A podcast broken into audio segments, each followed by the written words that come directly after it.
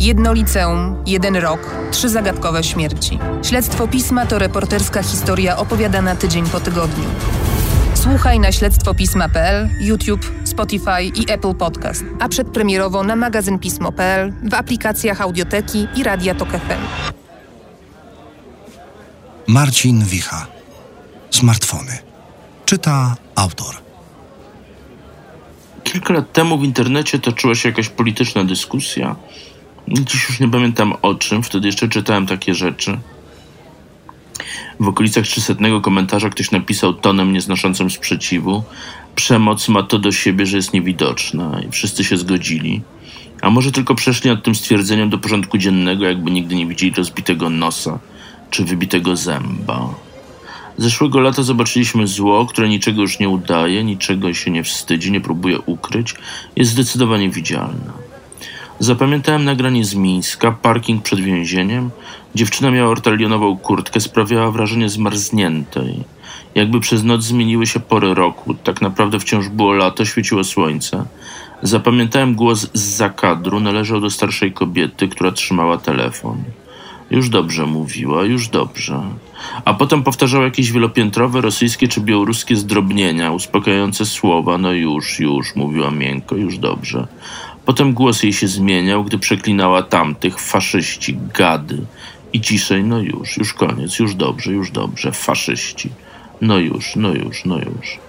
Powiedz, niech świat cię usłyszy, powiedz, niech świat cię zobaczy. Pomiędzy nimi, pomiędzy tymi dwiema był smartfon, jakiś Samsung czy Huawei.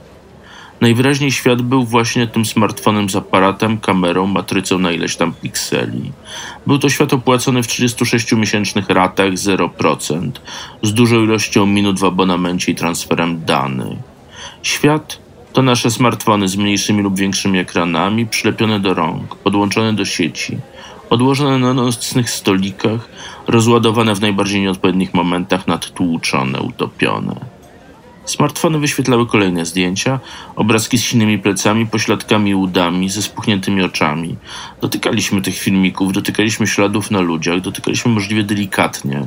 Skrolowaliśmy lekko, żeby nie bolało, zjeżdżaliśmy w dół ekranu, ponieważ działo się tyle innych rzeczy. Świat nie jest szczególnie obojętny. Świat ma po prostu ograniczoną pamięć, zapchaną kartę, nie daje sobie rady z przetwarzaniem danych. Potem smartfony przynosiły inne, pogodniejsze kadry, wybierały te z flagami, te z tłumem ludzi, z plakatami.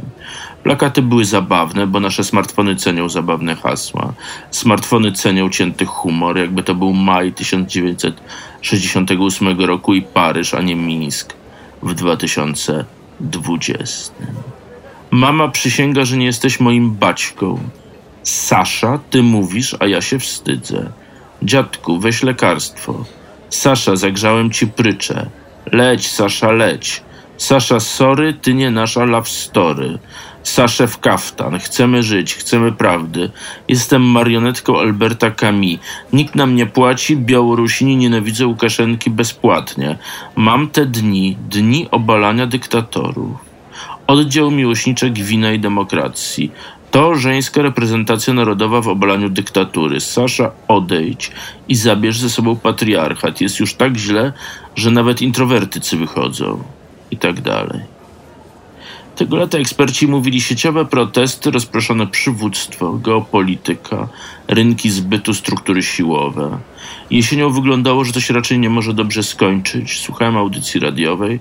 Politolog zmęczonym głosem wyliczał możliwe scenariusze, a potem dodał, i ta uwaga jakoś nie pasowała do reszty zdań. Ludzie wchodzą na ulicę, ponieważ wtedy czują się szczęśliwi.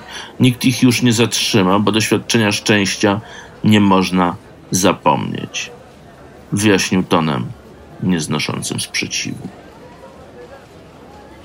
Felieton ukazał się w 34. numerze miesięcznika Pismo, magazyn opinii. Czytał Marcin Wicha. Jedno liceum, jeden rok, trzy zagadkowe śmierci. Śledztwo pisma to reporterska historia opowiadana tydzień po tygodniu. Słuchaj na śledztwopisma.pl, YouTube, Spotify i Apple Podcast, a przedpremierowo na magazyn pismo.pl, w aplikacjach audioteki i Radia Tok FM.